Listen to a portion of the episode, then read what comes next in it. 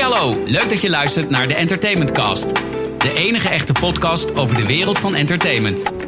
Mark Hofstede, gepokt en gemazeld in nagenoeg alle facetten van de entertainmentwereld, gaat in gesprek met mensen die minstens net zo bevlogen zijn als hij zelf. In deze aflevering van de Entertainment Cast gaat Mark Hofstede in gesprek met.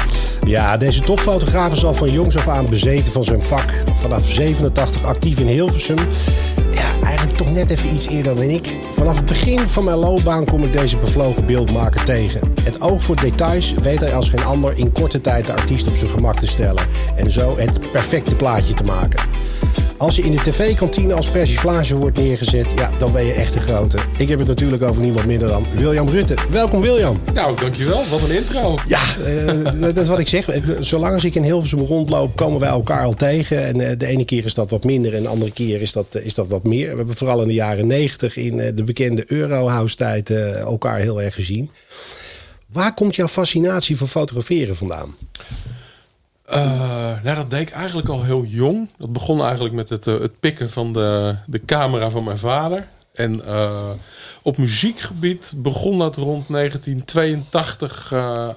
tenminste, ik, ik moet eerlijk zeggen, ik heb vanaf 1977 de hitkrant gekocht. Ik heb letterlijk de eerste hitkrant ooit gekocht. En die heb ik ook nog. Grappig. En daar was ik altijd heel erg gefascineerd door foto's van Kiss en de Beatles. En ja, dat vond ik ook heel mooi om naar te kijken. Maar in 82 ben ik voor het eerst zelf een concert gaan fotograferen van Doe Maar.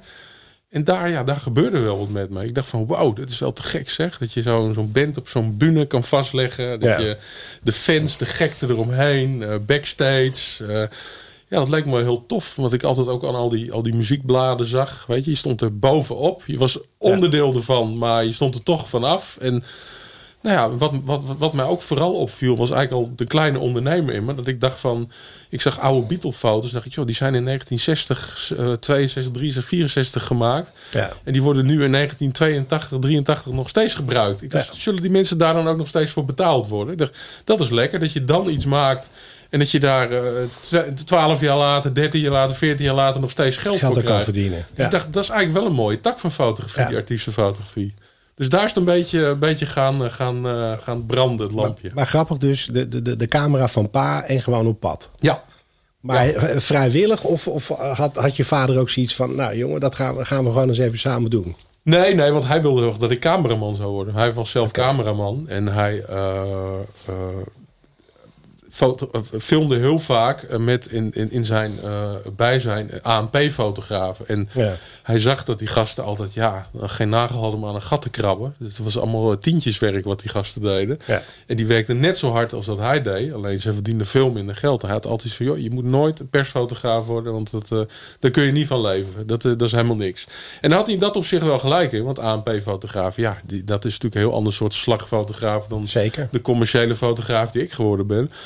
Maar uh, ja, ik denk dat, dat, dat juist dat van hem dat hij dat probeerde tegen te houden, dat maakte mij eigenlijk alleen maar enthousiaster. Dus uh, dat heeft me niet, niet maar, gestopt. Maar wel cool dat je, dat je ouders je daar ook echt van jongs af aan in gestimuleerd hebben. Nou ja, het was eigenlijk gewoon een soort hobby. En uh, ik moet zeggen dat vooral mijn moeder het gestimuleerd heeft. Ja? Mijn vader had wel iets van, die vond het wel leuk. En nou, vaak zet tv op, nou, hij deed altijd vast majeur en dat soort programma's deed. Dan ging ik wel eens mee om dan ja. making-of uh, dingen te schieten tijdens de opnames en zo. En dat vond hij dan natuurlijk heel leuk, want anders had hij ook wat foto's van, de, van het werk, zeg maar. Maar ja, het zat nog wel steeds in hem van, joh, je moet geen fotograaf worden. Dus, dus je kan nu wel over licht en zo leren, maar het echte werk is natuurlijk het filmen, vond hij zelf. Ja, wat ik bij jou heel grappig vind, en wat we hadden net voordat we de podcast starten al even over. Je had vrij snel een eigen studio. Hè? Dus los van live fotografie uh, ben je ook begonnen met studiofotografie. Ja. Is dat echt een bewuste keuze geweest? Ja, dat is een hele bewuste keuze geweest. Want ik schoot in die tijd veel in de Countdown studio. Uh, dan schoot ik al die artiesten op de bühne. En dan deed ik wel eens backstage fotootjes maken. En dan, dacht, Ja. ja. dan, dan zet ik ze altijd maar tegen een wit muurtje aan. En dan schoot ik dat direct met mijn flitser op. Maar het viel mij altijd op dat alle tijdschriften, de posters en de covers... dat waren altijd foto's die in mooie settings gemaakt waren. Ja. En het leukste daarvan vond ik eigenlijk nog... is dat je die foto's waren eigenlijk universeel. Die kon je eigenlijk in elk land Ja. verkopen. Dus ook daar kan weer de kleine ondernemer in. Maar dacht Ja. als ik hier dus een shoot doe met Phil Collins...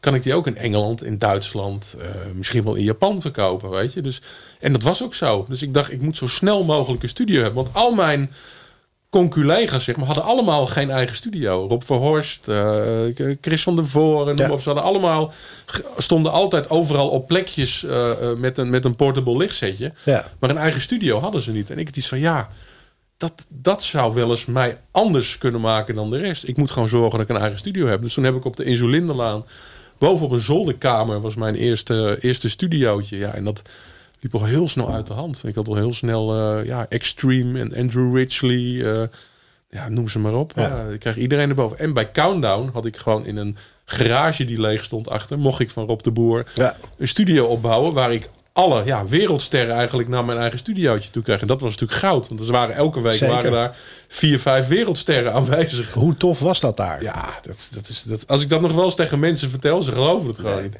Ik, ik kan me nog zo goed herinneren. En uh, jammer dat dat nooit is vastgelegd. Wij deden Lisa Stansfield. Die kwam naar Nederland. En dat is echt zo'n nuchtere Engelse tante. En die stond letterlijk gewoon te repeteren met de, met de krullers in de haar. En je zag al die Nederlandse kijken. Dat doe je normaal niet. Nou, maar zij was zo volstrekt ja. zichzelf. Ja. was briljant. Nou ja, ik denk ook dat de kracht van Kauno was... is dat het gewoon een totaal geen glamorous gebouw was. Het was gewoon een oud, aftans, vies gebouw... waar de rock en roll van afstraalde. En ja, iedereen had het gewoon naar zijn zin. Het was relaxed. Het was midden in, in Bussum. Uh, midden in een woonwijk. Weet je, dus het was voor mensen gewoon iets. Ja, het was eigenlijk alsof je een andere planeet ineens ja, terechtkwam. Klopt. Ja, ik, ik, denk, ik denk dat Countdown mij wel gevormd heeft als fotograaf ook. Ik denk echt, ik heb daar heel veel aan te danken dat ik daar überhaupt mocht rondlopen. Dat ik daar al die sterren mocht fotograferen. Ja, en dat je de ene week David Bowie voor de lens had. En een week later Alice Cooper. En een week later Phil Collins. En een week later Paul McCartney. Dat was daar heel normaal. Nou, en dat is natuurlijk in jouw vak ook gewoon. Maakt het ook niet uit welk genre het is. Het gaat om de, de, de personality in kwestie. En die leg je vast. Hè? Ja. Wat voor heel veel andere beroepen gewoon niet te doen is. Nee. dus als journalist heb je het of over pop, of over rock, of over jazz. Maar een fotograaf mag en kan alles. Ja. Het is wel grappig. Je had het net over Rob Forst. Die heb ik toevallig eergisteren aan de lijn gehad omdat ik op zoek was naar oude foto's van de Dolly Dots. En die is letterlijk uh, alleen maar bezig nu met zijn ja. uh, 40 jaar uh, foto's te verkopen links en rechts. Vind jij dat er voldoende betaald wordt voor het gebruik van foto's? Want ik, ik hoor daar heel veel verschillende meningen over. Nee, er wordt in, vooral in Nederland heel slecht betaald. En niet eens voor foto's, maar ook voor opdrachten. Ik vind ook, ben ook echt. ik vind dat fotografen zich hier allemaal ver onder de prijs wegzetten. Ik ken er bijna niet één die normaal uh, vraagt wat hij hoort te krijgen. Ja. Ik vind ook dat er heel erg misbruik van wordt gemaakt. En ik vind ook dat ze zich laten misbruiken. Ja. Ik, ik, ik, zie bij heel veel grote evenementen... Ja, zie ik dat die gasten zich helemaal uit de naad werken... en alles maar doen. En uh, filmpjes en dit en dat. En dan hoor ik achteraf wat ze betaald krijgen. En dan ja. zie ik het gebruik voor grote biermerken... tot weet ik veel wat. En ik van jongens, jongens, jongens... jullie hebben geen idee wat jullie hier staan te doen. Jullie staan jezelf gewoon volledig weg te geven. Gewoon echt. Voor een fooi. Terwijl er klauwen met geld in jullie worden verdiend. Ik, ik vind het bijna gênant. Ja, dat was natuurlijk een tijdje, eh, volgens mij een jaar of twee geleden, eh, was er zo'n heel akkefietje over wat, wat de ANP-fotografen en dergelijke kregen. Daar heb jij je toen ook eh, behoorlijk hard voor gemaakt. Ja. Zie je dat nog een andere kant op gaan? Nee, dat is al te laat. Ja? Ja, maar ik zeg er ook eerlijk bij, ze hebben het aan zichzelf te danken. Ze hebben het zover laten komen. Ik, heb mij, ik werk nu bijvoorbeeld niet voor Veronica Magazine meer omdat ik weiger hun contract te tekenen. Ja. Ik heb uh, 30 jaar voor Veronica Magazine gewerkt. En ik kreeg ineens een contract onder mijn neus. Uh, waar, waar eigenlijk in staat dat zij uh, de rechten over mijn foto's hebben. En dat zij binnen hun uitgeverij alles mogen doen met die foto's. Dus ja. ik, uh, jij geeft. Jij, stel voor, Katja Schuurman zit in jouw management en ik mag haar fotograferen. Jij hebt dat helemaal niet door, want je denkt: oh, ik ga bij William Rutte een shoot doen. En vervolgens plaatsen zij die foto ook in de story. En dan kun jij dan ja, daar kun je niks tegen doen. Nee. En, en, maar het is ook mijn naam die onder die foto staat. Dus- absoluut. Dus, ik heb gewoon, ja, ik heb gewoon gezegd, joh, dat, dat ga ik absoluut niet tekenen. Nou ja, dat houdt dan in dat je niet meer voor ze werkt. Ja, ik ben daar heel makkelijk in. Dan werk ik maar niet voor. Nee. Ik vind mijn, mijn naam uh, belangrijker dan dat ik uh, uh, daarvoor een paar tientjes. Nee, ik ben het helemaal met je eens hoor. En het is bij fotograaf het geval, maar bijvoorbeeld ook bij muzikanten is dat heel erg het geval. Hè? Corona heeft natuurlijk ook wel een behoorlijke ja. stempel opgedrukt dat de prijzen daarmee zullen gaan, gaan dalen.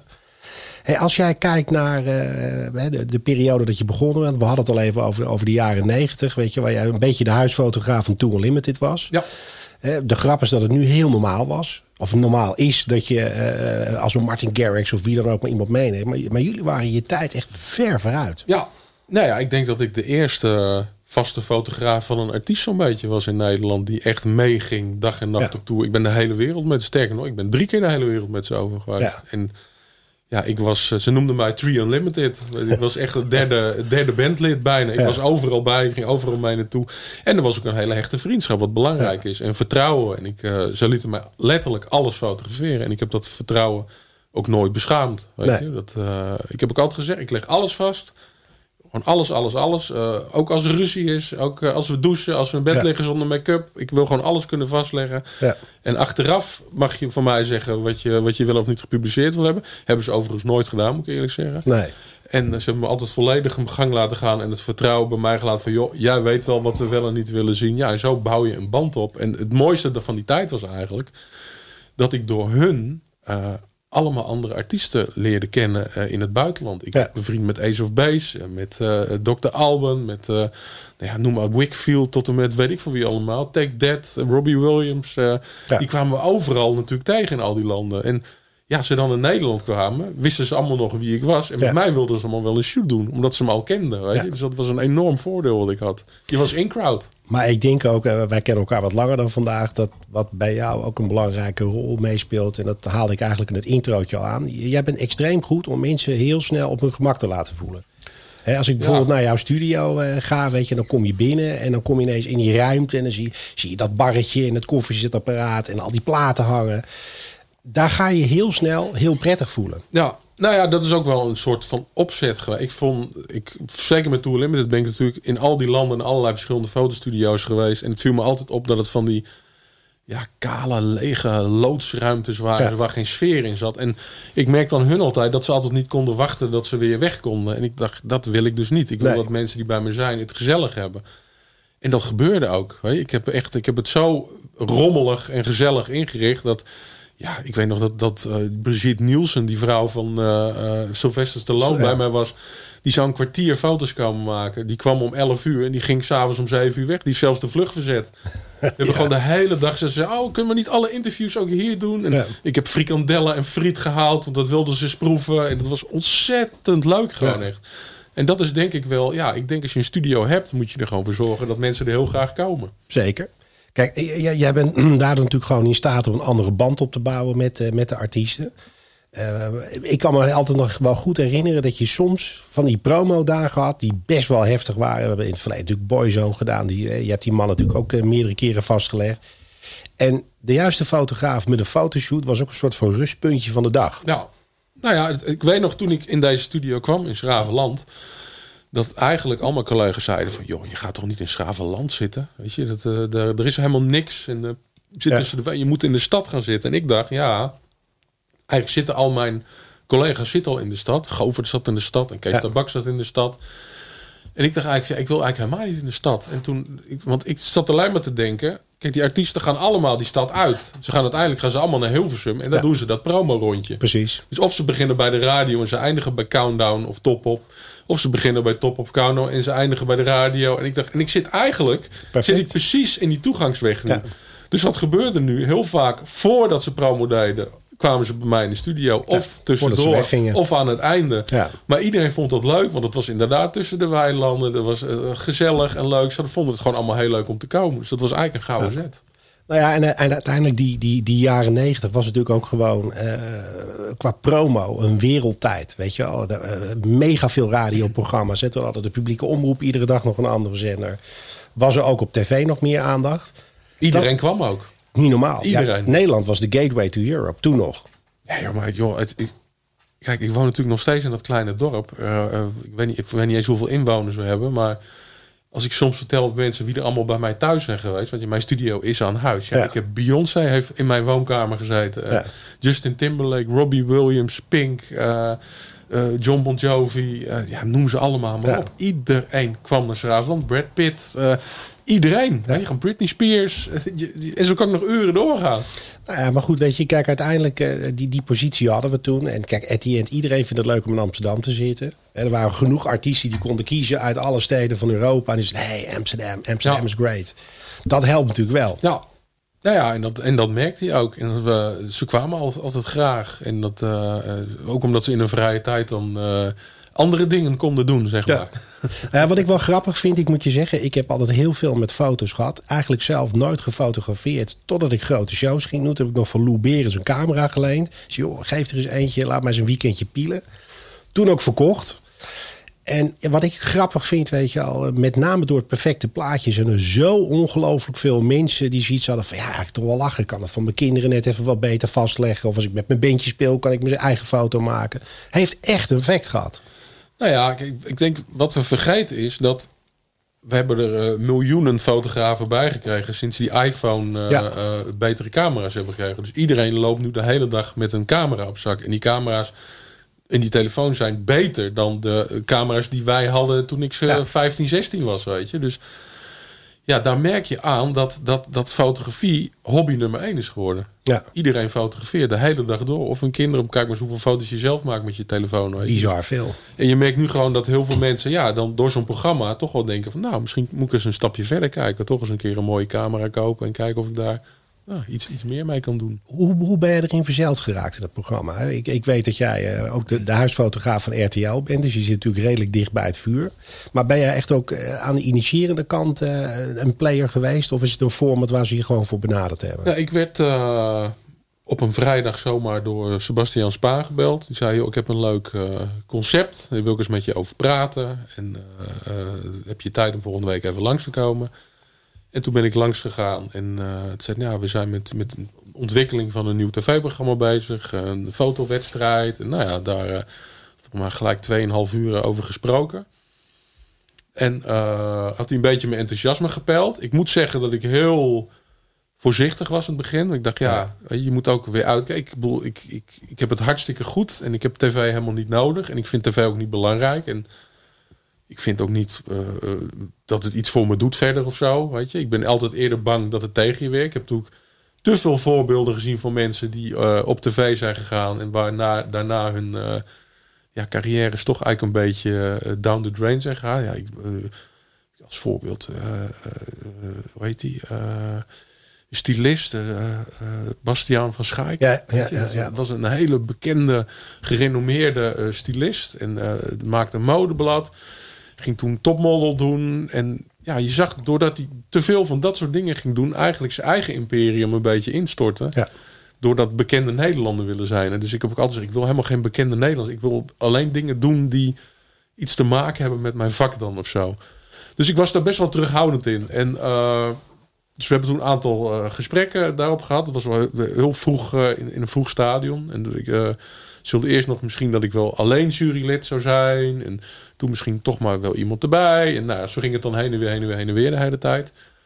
En toen kwam eigenlijk het punt aan dat ze zeiden van... oké, wil je het doen? En toen zei ik... Uh, ik wil wel heel graag weten wie dan de kandidaten worden. Ik zei, dat is voor mij wel heel belangrijk. Ja.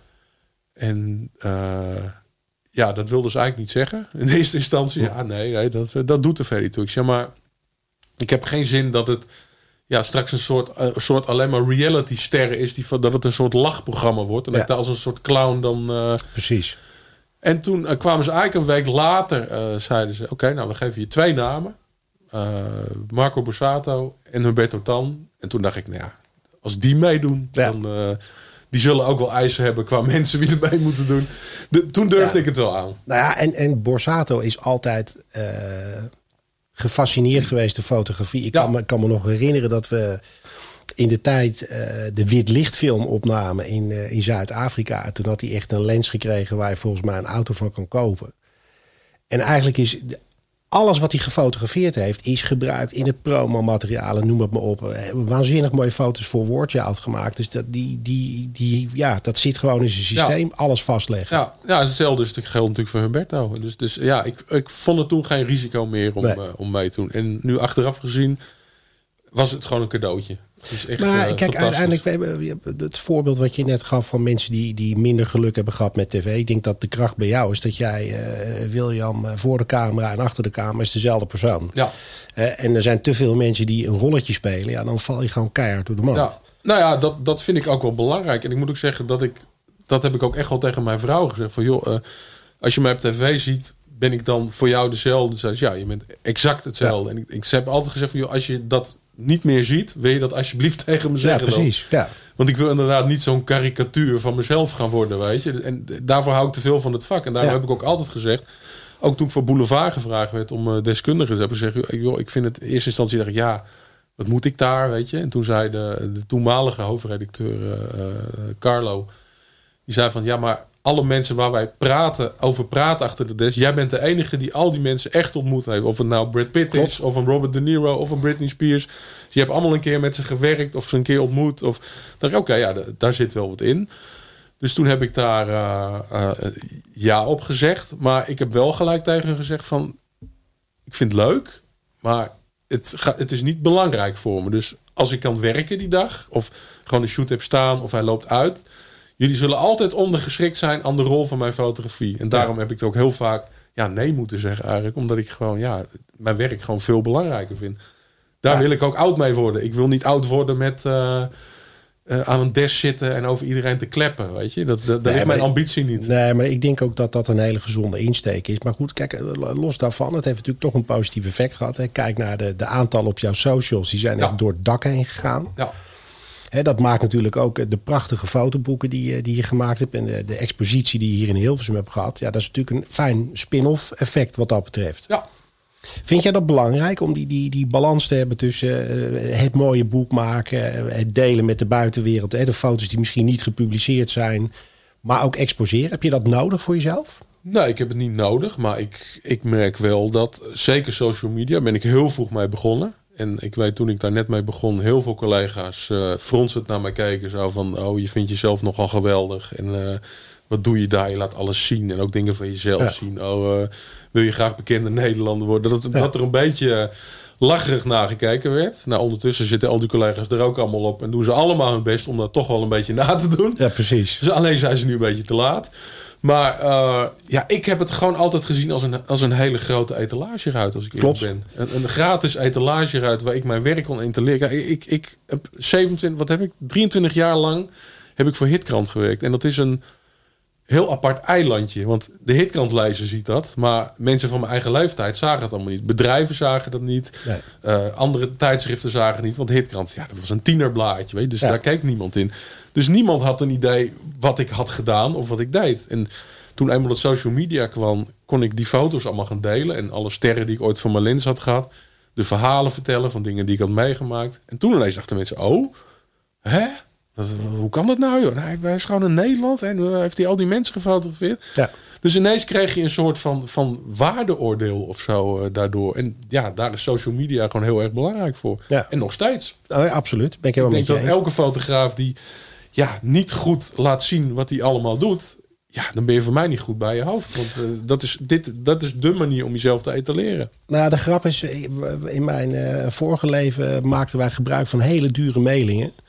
En op een gegeven moment zag je gewoon echt de effectiviteit van die mailingen achteruit rollen. En ik zat niet op social media. Dus ja, wat moet ik dan gaan delen? Dat wordt een soort van showing. Of waarom zou ik het doen? En vanaf het moment dat ik erop ben gegaan, heeft het alleen maar voor me gewerkt. Ja, Dus ik denk uiteindelijk ook, zeker ook met fotografie, direct delen van, van, van de emotie van dat moment. Ja, dat, dat vinden de volgers natuurlijk fantastisch. nou ja, laten zien waar je bij bent, waar je voor gevraagd wordt, voor wie je allemaal werkt, wat je allemaal kan, wat je allemaal doet, wat je allemaal meemaakt. Eh, eh, maar ook eh, laten zien wat jou bezighoudt. Weet Ja. eh, ik zat laat toevallig naar een podcast van een fotograaf luisteren die zei ja, je moet niks delen van je privéleven, want dat boeit je klanten niet.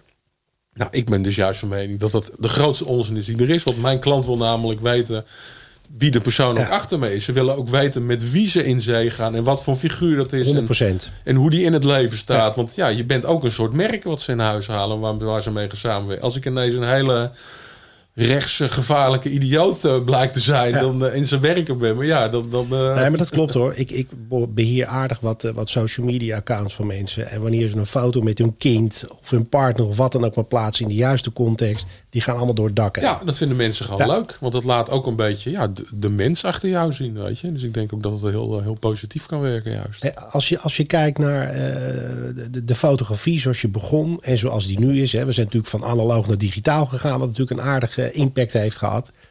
Maar je ziet dat er nu ook wel wat fotografen komen die echt dingen doen met lenzen en met kleuren. Hoe, hoe kijk jij daar tegenaan? Hè? Ik bedoel, de, beste foto ooit van mij gemaakt heb jij geschoten. Gewoon zelf van zo, weet je wel. Dat is een aardig stukje Photoshop geweest. Nee, what you see is what you get. Maar eh, vind je dat leuk? Want wat ik grappig vind, jij featuret ook gewoon talenten op, jou, op jouw homepage. Weet je, dat je zegt van ja, dit raakt mij, dat deel ik. Maar die techniek, is dat ook iets wat je bezighoudt? Zeg je, ik zit wat meer aan de traditionele kant van de fotografie. Nee, ik vind techniek hartstikke leuk. Ik vind alleen wel jammer dat ik nu vooral bij evenementfotografie zie dat al die gasten hun foto's, eh, dat ze niet meer de werkelijkheid laten zien. Dat ze het helemaal ja, verpesten met allerlei gore filters om die kleuren maar op te wekken. En, uh, dus de, de set vind jij iets een stapje te ver gaan? Ik vind dat too much. Ja. Dus uh, ik vind een fantastische fotograaf. Maar van mij zou die wel een tandje terug. En ik, ik weet dat toevallig dat ik sprak een fotograaf die voor eenzelfde uh, uh, dingen opdracht had gedaan. Die vertelde mij, dat was hier bij in heel nee, bij Soesterberg of zo, bij dat paleis. Toen hadden ze geloof ik allebei een opdracht gehad, hij en, en, en die fotograaf. En toen leverde die andere fotograaf zijn foto's in. Zei ze, hè? Maar er zit helemaal geen kleur in. Zei die nee, dit is de werkelijkheid. dit is hoe de show echt was. Dit is hoe het publiek het zag. Ja. En dat is, eh, ja, weet je. En, ja, ik, vind, ik, ik, ik, denk dan altijd van, je moet ook wel een beetje laten zien hoe het echt was. En niet, niet uh, dat je nou dan terugkijkt dat je denkt van, hè, het lijkt wel een, een, een ruimteschip of zo, ja. uh, die geland is of zo. Nou, ik vind het wel grappig, omdat je, er zijn echt twee kampen hè, van mensen die vinden het fantastisch, weet je, dat, dat er een laag wordt toegevoegd aan het, aan het originele plaatje. Soms is het ook heel functioneel. Maar ik, ik moet je zeggen dat ik uh, ben de naam van de fotograaf kwijt. Die heeft een boek gemaakt met alleen maar zwart-wit fotografie.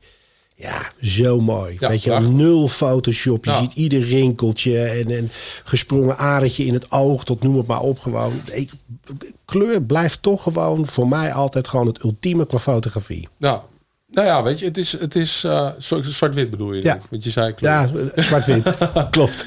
Uh, ja, nee, maar nogmaals, ik ben helemaal niet tegen filters gebruiken. En uh, sterker nog, ik denk dat ik een van de eerste was ooit die filters is gaan gebruiken. Ik, ik, uh, ik gebruikte zelf vroeger al uh, mijn films, die ontwikkelde ik in, van C41 in E6 en allemaal hele gekke kleuren allemaal te krijgen. Dus ik ben er al heel vroeg mee begonnen. Maar ik, uh, ja, ik, ik denk dat het nu een beetje. Het wordt nu door iedereen gedaan. En dat is nu een beetje. Ze onderscheiden zichzelf niet meer. vind ik. ik vind dat ze allemaal nu datzelfde badje over een foto zijn gooien. En dat is toevallig, want ik had het toevallig met Rob Verhorst over. Rob is echt een, een, een echte oude fotograaf van de oude stempel. Ja. En zijn foto's hadden dat helemaal niet nodig. Nog steeds zijn zijn foto's zijn tijdloos. En ik ben, ben bang door al die filterzooi. Dat je, je maakt je foto's zo gedateerd. Ja dat over, over vijf of zes jaar vindt niemand dat meer mooi. Nee. Ja, weet je, en dan, en dan zit al die troep eroverheen. En denk van ja, misschien moet je daar toch een soort als je het 50% zou verminderen, dan zou je denken. Dan krijg je er meer voor toe. Nou ja, dan krijg je en een beetje van toen en een beetje van nu. Dus ik denk dat je daar een beetje tussenin moet gaan zitten. Nou, ik vind Rob ook altijd leuk om te volgen met. Uh, als er weer een artiestjarig is, dat hij dan drie platen ja, uh, publiceert. Fantastisch. Zijn archief is ook goud gewoon echt. En, en allemaal eerlijke fotografie. Dus allemaal geschoten zoals het geschoten is. En dan zie je eigenlijk aan dat het totaal niet nodig is. Nee. Dus al die troepen zijn helemaal niet nodig om, het, om de foto op te boosten. Uh, is er nog iemand waarvan je zegt, uh, die wil ik al zo lang voor mijn lens hebben, dat moet een keer lukken? Is, staat er nog iets op jouw bucketlist? Nou, nou ja, ik zou heel graag. Uh, ik, heb, ik heb voor mijn laatste tentoonstelling heel erg moeite gedaan om Kees van Koten voor de lens te krijgen. Om proberen überhaupt in zijn buurt te komen. Maar dat, dat, dat is, niet gelukt. Het, dus dat, maar goed, dat, dat, dat was muur puur meer voor die tentoonstelling. Ik zou heel graag Obama nog wel eens willen okay. fotograferen. Dat zou ik wel heel... Ik vind hem een mooie, ja. charismatische man. Absoluut. Mooie kop. En dat, uh, dat zou ik nog wel een keer leuk vinden. Maar ik, ik ga er niet uh, uh, achteraan jagen. Nee, dat, precies, precies. dat gaat gewoon een keer. Ik weet dat ik voor Oprah ooit heel veel moeite heb gedaan. Nou, iedereen kansloos, kansloos, kansloos. En ineens drie jaar geleden of zo kreeg ik er zo in mijn schoot geworpen.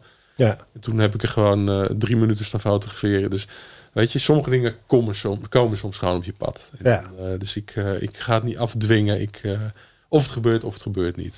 Hey, wat, ik, wat ik ook wel interessant vind om, om jouw kijk erop te horen. we hebben natuurlijk gewoon in de jaren negentig meegemaakt dat er gewoon nog heel veel publieke omroep was. Kwamen heel langzaam die commerciële erbij. We hebben toch echt wel gezien dat media veranderd is. Wat, wat, wat vind jij de grootste verandering eigenlijk? Qua? Nou, weet je al, vroeger had je iedere dag had je een van de publieke omroepen die konden uitzenden. Dat gaf je eh, met, met muziek heel veel de mogelijkheid om op meerdere paarden te wedden. Dat is allemaal wat lastiger geworden. Maar er is nu ook veel meer beschikbaar. Eh, zit daar iets tussen waarvan je zegt van nou, dat kenmerkt wat mij betreft een beetje het verschil tussen de jaren negentig en nu qua media? er is nu veel meer werk. Ja. Ja, ik, uh, ik werk nu zeven dagen in de week. En ik zou uh, tien dagen in de week kunnen werken als ik tien dagen had gehad. Dus ja.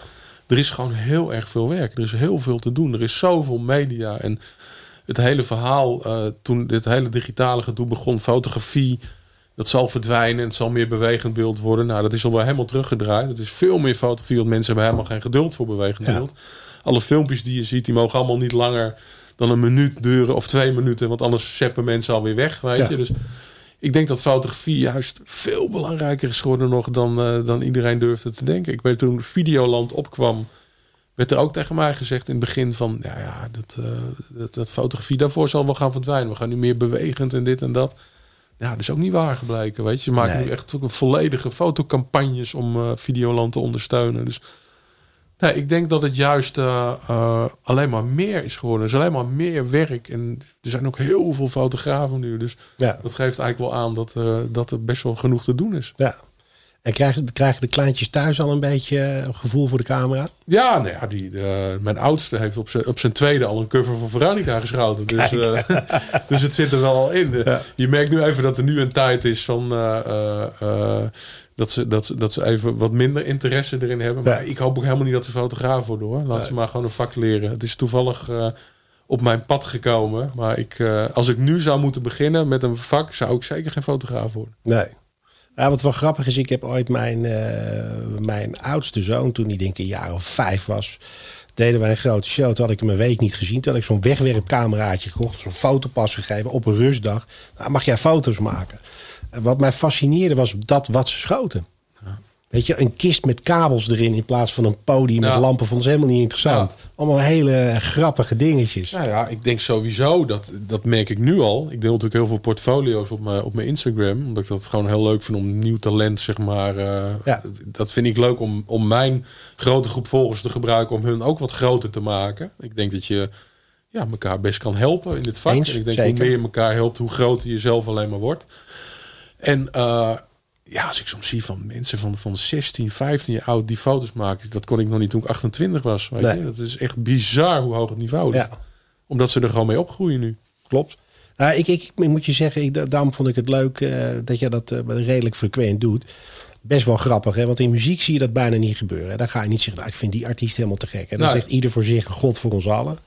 Nou, ja, Ja. ik moet ook zeggen dat als ik... eh, ik ben altijd heel complimenteus naar collega's toe als ze mooie foto's hebben gedaan. En altijd als ik een collega een bericht zie, wow, wat een mooie foto, dan krijg ik altijd een heel verbaasd berichtje Ja, terug. ja, precies. Ja. Oh, nou, je bent de eerste collega Ja. ooit. Ik vind dat zo gebrek. Ik echt, waarom kun je als fotograaf niet toegeven dat, iemand anders is. een mooie foto van maakt? Dat viel me ook al op. Ik heb, we zitten wel eens met collega's bij Pinkpop dan eh, eh, naast elkaar, zeg maar, aan die tafels, weet je. En dan kijk je even bij elkaar en dan, wow, wat een vette foto. Dat moment heb ik gemist. Ja, ik kan dan balen dat ik dat moment rust, maar dan vind ik het echt gaaf dat iemand anders die wel Ja. heeft. Ik voel die jaloezie niet, maar ik merk dat er onderling dan toch iets is van, van eh, kut, die heb ik niet. Ja. En, eh, geef elkaar een keer een compliment, joh. Zeg een keer dat iemand anders het Ja, goed het gedaan heeft. En, eh, ja, ik denk dat het ook een gebrek is als je je eigen werk altijd alleen maar het best vindt. Ik vind mijn eigen werk eigenlijk bijna nooit het best. Ik vind bijna altijd iemand anders werk bijna altijd mooier. En dat stimuleert me eigenlijk alleen maar om nog beter mijn best te Ja, doen. precies. Volgens mij is dat een betere instelling dan dat je altijd maar denkt dat je de beste bent. Nee, maar dat klopt. Dat, dat, dat, begrijp ik helemaal. Dat, wat ik wel grappig vond, in, eh, we hebben ook heel vaak, nou, ik liet net Lou Berends zo vallen. Die heeft aardig wat, wat fotoboeken gemaakt. Ja. En wat grappig was, die was dan bij de 20 shows, was hij er alle 20 bij. Ja. En dan was er altijd een ochtendmoment, dan werden de mooiste foto's geprint en die werden op een bord gehangen. Dus je kreeg altijd de dag daarna nog een soort van, ja, nabeleving van een mooi moment. Heb jij dat ook? Als jij zelf je foto's geschoten hebt en je gaat de volgende dag ga je ze bewerken, kom je dan ook precies weer terug in die vibe van dat moment? Oh, ik denk altijd, eh, ik zie altijd alleen maar dingen die ik beter had kunnen. Ja, ja, ja, oké, ja, ja. Bloedirritant. Ja. Ik ben, eh, eh, ik ben nu voor een nieuwe serie, online serie, ben ik met oude foto's zoek ik mensen op die ik dan interview aan de hand van hun oude foto's, zeg maar. En dan moet ik door mijn archieven heen gaan en dan, dan, ja, ik kan nu dan als ik hele oude dingen terug zie, denk ik, oh, dat heb ik toen best aardig gedaan, weet je. Met de kennis die ik toen had. Of, of jezus, heb ik dat gewoon ingeleverd toen. Ja. Of, eh, dus dat hing steeds op twee gedachten. Maar ik zie eigenlijk bij elke foto nog steeds eh, verbetering. Ja. Ik altijd denk van, hmm, En, wordt dat een tv-concept? Nee, het is nu gewoon online eh, concept. Ja, het is Gek. via, via shownieuws. eh, Leuk. eh, eh, die, die, die zwengelen het aan, zeg Ja. Dus ik heb wel een hele grote motor die erachter hangt, zeg Ja. maar. Want ik ben het niet... eh, ik wilde het eerst zelf doen, maar dacht ja... Ik heb wel veel bereik, maar zij hebben natuurlijk echt een miljoenen bereik. Dus dat Ja. is toch wel even lekker als je dat achter hebt zitten. En eh, ik heb er nu twee opgenomen. En eh, ja, we gaan er heel veel opnemen. Dus eh, hartstikke leuk. Ik, ik zie nog steeds de jacht van, jou, de, van jouw foto in Volendam. Dat je op zoek bent naar wat je vast hebt. Was dat met de Red Hot Chili Peppers of zo? Ja, Red Hot Chili Peppers Ja. ja, op de Zaanse Schans. Ja. Dus Ja. dat is dan een voorbeeld dat je dan op zoek wil gaan. Dat dat leidende voorbeeld Nee, nee, je moet het eigenlijk zo zien dat ik bijvoorbeeld met Marco Borsato ga zitten en Ja. aan de hand van mijn foto's door zijn carrière heen ga. Dat ik hem verras met, nou weet je dit Ja. nog, de eerste foto die ik van je gemaakt. Ik begin altijd met de eerste foto die ik van Ja. iemand heb gemaakt. En dan ga ik door een carrière heen. En dat is natuurlijk hartstikke leuk, want ik heb natuurlijk met heel veel mensen, ja, werk ik 30 jaar, 28 jaar, 25 jaar, 20 jaar, 10 jaar. Dan Ja. heb ik ze allemaal regelmatig gefotografeerd. En ja, soms zijn ze helemaal vergeten wat voor dingen ik heb vastgelegd. Ik de, de eerste aflevering die was, was, was met denk Simon.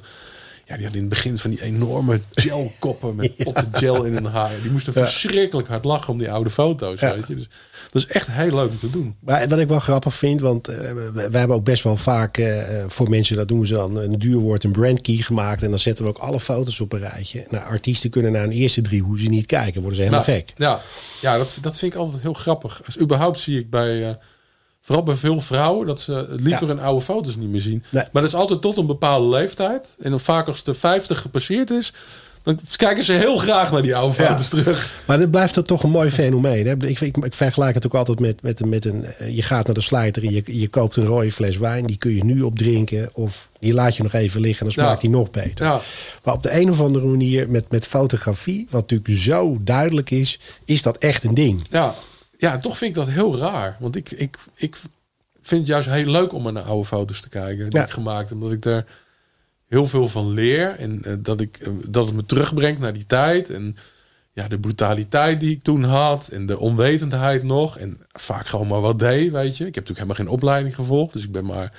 Ik ben gewoon fotograaf geworden van de Ja. een op de andere dag. En dat is me overkomen. En dat is... Ja, ik werd ineens door Hitkrant gevraagd. En de, ik zat nog op school. eh, weet je, het is allemaal gebeurd, weet je. Dus, dit, eh, dus ja, dan, dan is het toch anders, denk ik. Ja, dat, dat, is het ook. En merk jij bijvoorbeeld ook, want dat af en toe werk ik nog wel eens voor, voor merken die dan eh, probleempjes hebben die opgelost moeten worden in, in hun eh, positionering. En vroeger was de gemiddelde directeur, weet je wel, die maakte één keer in de negen jaar een foto. Dat eh, de secretaresse zei van, joh, dit kan echt niet meer, dit kunnen we niet meer opsturen. Daar is volgens mij heel veel werk gekomen. Hè. Je ziet dat, dat het bedrijfsleven eh, branding belangrijk vindt. Ja. Eh, ook, ook hoe iemand eh, eruit ziet. Hè. Er zijn zelfs merken die zeggen, ja, weet jij een stylist, weet Ja. je wel. Dus Ja, merk jij dat in jouw eh, studio ook? nee, tuurlijk. Ja, nou ja het, daar, wat ik al zei, fotografie is belangrijker dan ooit geworden. Jezelf presenteren, eh, eh, de goede profielfoto om jezelf neer te zetten. Een profielfoto zegt al heel veel over iemand. En ik merk het zelf al als ik op Instagram zie. eh, ja, de mensen die ik aanklik zijn altijd mensen die een interessante foto hebben. Of die een, Ja. een leuke... Ik, ik, Norse mensen bijvoorbeeld tik ik bijna nooit aan. Het Nee. zijn altijd mensen met een, met een grote lach of iets opvallends. eh, lekker kleurrijk, eh, te donker en te, te grauw. En te, daar kijk ik al niet snel naar, weet je. Dus ik, je, je wil een beetje open mensen die je de ogen kan aankijken. Die je, ja, die je energie geven op een of andere manier. Ja. Hey, en en ehm, fotoboeken. Als ik nu in een gemiddelde eh, boekenwinkel binnenloop, staat, liggen er meer fotoboeken dan ooit. Ja, Dat is, dat is denk ik toch mede ook wel te danken aan het perfecte plaatje. Hè? Dat, eh, dat mensen toch anders zijn, letterlijk gaan kijken naar, eh, naar foto's. Dat is natuurlijk een hartstikke mooie ontwikkeling. Ehm, jij doet heel veel met talent. Zou er ook nog een editie mogelijk zijn met talenten die je koppelt in het perfecte plaatje? Om gewoon echt de nieuwe fotograaf van Nederland te vinden? Ja, ik weet het niet. Ik denk dat mensen vooral naar het perfecte plaatje kijken, omdat het gewoon een leuk entertainmentprogramma is. En dat ze er 100%. iets van leren. Ja. En eh, ik denk dat ik zelf waarschijnlijk ook niet eens zo interessant zou vinden als daar een, een, een struggling, jong, eh, opkomend talent. Denk ik, ja, hartstikke leuk, maar heeft het entertainmentwaarde. Weet je wel? Ik denk dat de kracht van het perfecte plaatje is dat je naar BN'ers kijkt die je al kent, die iets gaan doen wat ze normaal gesproken nooit doen. Ja. En je wil kijken of ze dat lukt. Is dat met een onbekend iemand? Ja, wat is, wat is daar dan de, de meerwaarde van qua, qua entertainment? Weet je, dan, dan is het leuk voor die fotograaf zelf, maar Ja. voor de kijker. Het is al een paar keer geprobeerd, hè, dat soort programma's. Met, eh, je had al een keer een programma volgens mij op SBS met fotografen die challenges moesten doen Ah, eh, tegen elkaar en zo. Nou, daar keek helemaal geen hond naar. Ja. Daar helemaal niemand naar. Het is, ik weet nog dat het perfecte plaatje, dat volgens mij een maand voor de opname twijfelde RTL nog of ze het wel moesten doen. Want ja, fotografie op tv zat daar iemand wel op te wachten. Wat ik ook nog snapte. Want toen Ja. ik het hoorde, dacht ik. Ja, zitten mensen naar, naar een fotografieprogramma op tv te? Eigenlijk alles, ook wat Wilfried de Jong deed, dat programma. Werd allemaal niet zo goed bekijken hoor. Dat, is allemaal, eh, dat is ook allemaal te moeilijk en te, te, te, te gekunsteld. En, Maar nou is tv natuurlijk een moeilijk medium. Hè? Ja. Je, je, mijn beleving is dat er een hoop mensen werken die in een ivoren toren zitten. En Ja. vooral naar hun eigen navel kijken. Dus. Ja. ik denk echte programma's met echte mensen en echte onderwerpen. Of met een hoog entertainmentgehalte zoals het perfecte plaatje gaat altijd werken. Ja. je moet het niet 13 keer kopiëren, want dan is kunstje klaar. Ja, nou ja, ik denk dat dit programma de mazzel heeft dat iemand als Sebastian Spaan erop zit. En Ja. die gewoon weet wat een kijker wil zien. En weet ja, hoe je een leuk programma moet maken. En, en kijk, ik kijk het zelf ook. Dat, vooral omdat ik eh, eh, alleen maar bij de jureringen ben natuurlijk. Maar nooit heb gezien wat ze allemaal hebben moeten doorstaan om die foto's Ja, te maken. precies, ja, dus ja, ook ja. voor mij is het heel leuk om na te kijken. En ik merk gewoon dat ik het echt gewoon een heel leuk programma vind. Ja. Dat gewoon, eh, ik kijk nooit iets van mezelf terug. Vind ik vreselijk. Maar dit, ja, het heeft gewoon. Je leert echt wat. Je ziet echt wat. Je leert ook echt die kandidaten kennen. Eh, ik denk ook echt wat ik van veel fotografen hoor, dat ze gewoon leuk vinden. Ja, dat, dat ze gewoon echt het moeten doen, weet je. En Ja.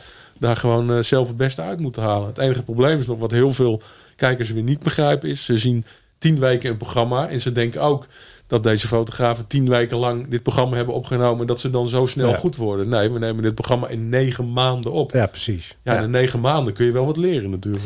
Nou ja, goed. En ik denk ook dat dat moet. En dat zie je natuurlijk ook bij The Voice. Dat is ook niet een programma wat in een Nee. paar weken wordt opgenomen. Nee. En, en mensen moeten ook al groeien in de rol die ze, die ze hebben. Zie jij, eh, zie jij voor jezelf nog, eh, eh, nog uitdagingen in de toekomst? Is er nog iets waarvan je zegt van... nou, dat vind ik eigenlijk best wel interessant. Dat doe ik nu niet. Daar wil ik nog eens een keer mijn tanden in zetten. Ja, ik, ik denk nooit zo aan de toekomst. Ik laat het allemaal eh, Op je afkomen. gebeuren eigenlijk. Ja. Ik ben niet zo'n planner. Ja. Ik, eh, ik weet, ze willen nu dat ik mijn volgende tentoonstelling eigenlijk nog dit jaar doe. Dat moet ik dan gaan plannen. En dan merk ik al aan mezelf dat ik me er tegen ga verzetten. Want ik, ik Ja. wil eigenlijk helemaal niet al mijn hele jaar vastleggen wat ik moet gaan doen. Want ik vind het juist zo leuk om onverwachte dingen te doen. Dus eh, en komt dat dan vanuit je agent? ik heb geen agent. Nee? Nee. Ik doe gewoon alles zelf. Doe, Dus het is eh, letterlijk Free Willy. Ja, ik doe helemaal. Ik heb geen Ja. management. Ik heb helemaal niks. Dus ik doe gewoon. eh, ik doe het gewoon lekker om mezelf. Ik beheer zelf mijn agenda en ik bepaal gewoon zelf wat ik wel en niet doe. En dat, dat is de, de grootste luxe die ik heb eigenlijk. Dus, Nou ja, dat, dat, is, dat is ook heel belangrijk. En ik denk ook uiteindelijk dat dat ervoor zorgt dat je fris en fruitig blijft. ja. Nou ja, en wat ik denk vooral belangrijk is, is eh, eh, dingen doen die je leuk vindt. Ja. Eh, geen klussen aannemen voor het geld, maar gewoon af en toe denken van, ligt, past het bij me? Vind ik het leuke mensen? Ja. Ik heb wel eens dat ik dan iemand helemaal niet leuk vind. En dat je dan een hele goede klus krijgt. En dan ga ik toch nadenken. Ja, maar als ik de persoon niet leuk vind. Ik moet er dan twee dagen volledig mee werken. Gaat het zoveel energie bij me vreten. Ja. Laat maar. Doe ik het gewoon lekker niet. Ik heb exact hetzelfde. Dan heb ik een hoop geld laten liggen, Ja. maar dat, dat doe ik ook niet. Nee, maar omdat ik daar gewoon heel ongelukkig van word. En, eh, ik vind ook nooit dat je met mensen moet werken waar je, waar je gewoon geen, eh, geen, geen goed gevoel bij hebt. Nee, Van, precies. eh, je, moet wel je moet het wel aangaan, wel proberen. Ja. Ik heb wel eens dat ik zelf ingenomen een gevoel heb over iemand dat ik hem op tv heb gezien. Denk, ugh, weet je, maar dan ga ik het wel aan. En 9 van de 10 keer zit ik er volledig naast. Ja. Lijkt het de leukste persoon van de wereld te zijn. Ja, dat klopt. Je kan verrast worden af en toe, dat is waar. En dan zeg ik me tegen mezelf, nou, toch maar goed dat je het gedaan hebt, hè, vriend. Want mensen op tv zijn toch altijd anders in het... eh, in het ik was, was wel een mooi voorbeeld. Eh, eh, ik had wat voorstukken gezien van die René Leblanc ja. op tv. En dacht ik, jee, van een blaaskaak, joh, die man. Maar ja, ze laten natuurlijk alleen maar de stukjes zien om hem zo neer te zetten. Ja. En krijgen ze een man in de studio. Ontzettend leuk, innemende man. Gewoon, die zo geniet van alles wat er nu overkomt. Ja, en daar geniet ik van. Ik vind het leuk als mensen het zo leuk vinden wat ze doen. Dat ze eindelijk dat succes krijgen. Dat ze er zo'n zin in hebben en geen, geen idee hebben wat ze allemaal nog te wachten staat. Ja, maar dat zijn natuurlijk ook mensen die jarenlang knokken om Ja. een plekje te krijgen. En dan worden ze gecatapulteerd door zo'n programma. Ja. Dat is natuurlijk fantastisch. Dat is hetzelfde wat ik altijd mooi vind, is eh, eh, als het even minder gaat met een artiest. Ja. Dat, dat, dat doet een artiest altijd goed. Dat doet een artiest altijd goed, dat klopt. Eh, alleen de ene artiest kan er beter tegen dan de andere. Ja. Er zijn natuurlijk heel veel artiesten die niet echt een enorme weerbaarheid hebben. Nee. Eh, Eigenlijk wordt ook wel een beetje onderschat in ons vak wat, wat de geestelijke druk is, die bekend zijn in welke Zeker. vorm dan ook met zich meebrengt. Nou ja, ik denk dat dat niet eens een klein beetje onderschat wordt. Het wordt enorm onderschat. Ja. Ik, ik, ik zou ook nooit, eh, ja, ik, dat klinkt heel raar. Ik zou nooit zelf een bekende Nederlander willen zijn. En mensen roepen dan, ja, je bent op tv, maar dat is heel wat anders dan Marco Borsato zijn. Ja. Snap je? Dat, eh, Ja, mensen zullen nooit begrijpen dat. eh, ik heb natuurlijk een behoorlijke tijd met de beste man gewerkt. Die hebben geen idee hoeveel aanvragen er per dag binnenkomen. Nee. En iedere stichting vindt zich belangrijker dan de Ja. andere. En, maar uiteindelijk zijn het wel de benen van Marco die Ja. uiteindelijk die route moeten lopen. En dan als je ziet wat een geweldig leuke man hij nog steeds is. Zo positief ingesteld en zo tegen iedereen vriendelijk. En, en eh, ja, ik vind dat, vind dat echt knap hoor. Ik vind dat echt, eh, als je een wereldster in Nederland bent, is toch net nog iets anders dan in Amerika, zeg ik altijd. Want je wordt hier veel meer geleefd. eh, omdat het zo klein is. Iedereen Ja. vindt ook wat van je. En dat social media is natuurlijk helemaal verschrikkelijk. Wat er allemaal over je geroepen wordt. En wat er allemaal neergekwakt wordt. Klopt. Maar ja, gelukkig de beste man is weer langzaam actief aan het worden Ja, online. leuk. Dus we Leuk hebben het idee dat dat wel weer een beetje aan begint te komen. Wat ik ook nog aan jou wilde vragen, eh, ten slotte, weet je, ik bedoel, ik, ik zie je bijvoorbeeld bij de toppers, dan zie ik jou ook gewoon vier dagen rondhobbelen. Wat natuurlijk gewoon een onmogelijke set is om vast te leggen, omdat Ja. hij in het midden staat. Ja. Nu heb ik Benno, te, Benno de Leeuw te gast gehad, eh, de, de, de stichtelijk vader van de toppers. Ja, het is natuurlijk bijzonder dat vanaf 2005. En Ze hebben meer dan 50 shows inmiddels gedraaid. Dat dat zo ongekend populair is. Dat ze iedere keer iets anders weten vast te leggen. Zit daar voor jou ook die uitdaging in om iedere keer dat weer te vangen? Nou ja, kijk, eh, laten we even eerlijk zijn. Je mag bij de toppers werken met de allerbeste mensen. Ja. Eh, de beste geluid, beste licht, eh, podium, de, de hele rambam. En ik vind, Rocket vind ik nou, is een mooi voorbeeld van een bedrijf... die niet overal het onderste uit de kan haalt. Die gewoon alles goed willen hebben. Eh, goede fotografen inhuren. Goede videomensen inhuren. Beste cameramensen. eh, de beste band. eh, weet je, alles wordt daar gewoon op en top geregeld. En, en ja, je mag daar gewoon meewerken aan iets enorm bijzonders. Ja. Weet je, het is, het is, ik moet echt zeggen dat ik het echt gemist heb ook dit jaar. Dat- terwijl ik me altijd een paar dagen helemaal de pleuren sta te werken. daar. Ik heb twee dagen spierpijn en pijn in mijn kop en eh, pijn in mijn poten, blaren. Eh, ik sta te vloeken als, eh, als een achterlijke die avond dat het podium weer te hoog is. En- maar goed, dat, dat is ook alweer de leuke uitdaging ervan. Weet je? Zeker. Dat je, dat je de extra. En als je dan, ja, en dat is dan ook weer rocket. Als je dan de beelden inlevert, eh, meteen krijg je, oh, wat heb je het gaaf Ja. vastgelegd. Oh, wat mooi dat je dat toch hebt kunnen doen. Want ze weten zelf ook wat de mogelijkheden en zo Tuurlijk. zijn.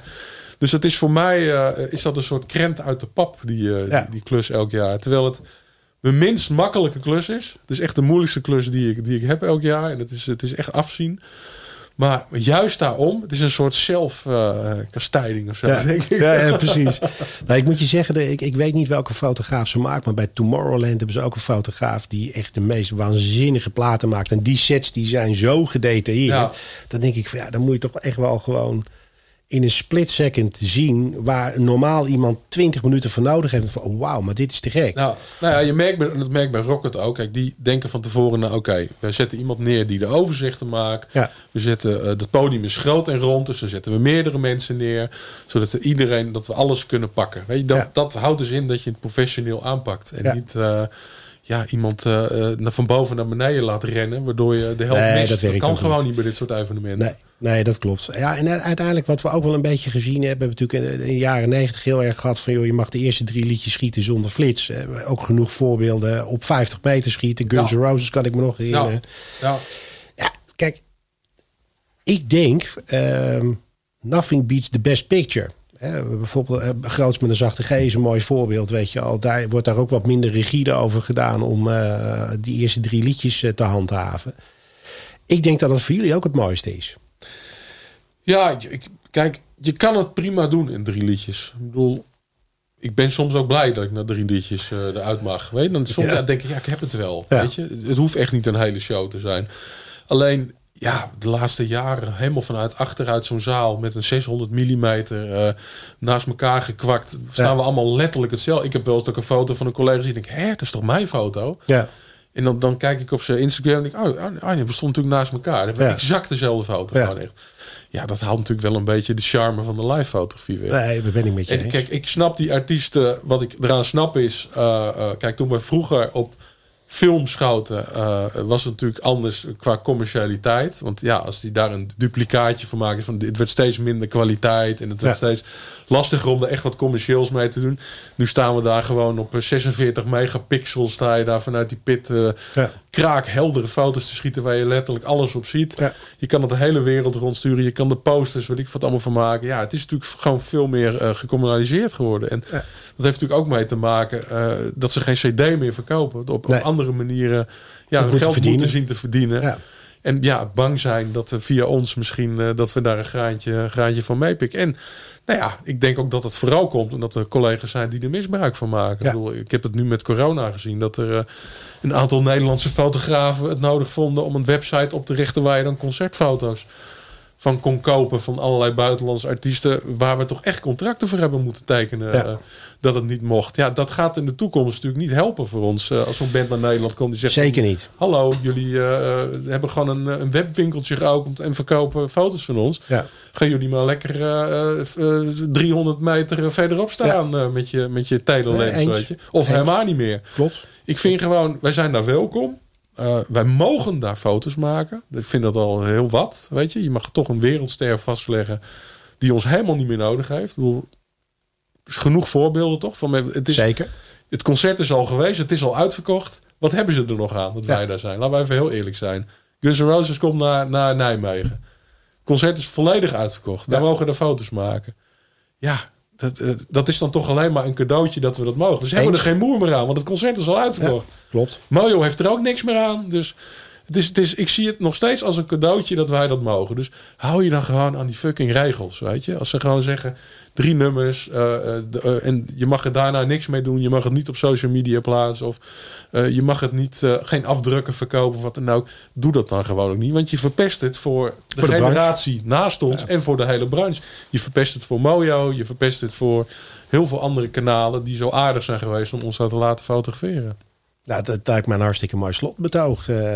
hey, ik wil jou onwijs danken. Nou, ik vond het leuk. niks te danken. Wij spreken elkaar in de toekomst ongetwijfeld nog een keer. Zeker. Je luisterde naar de Entertainment Cast.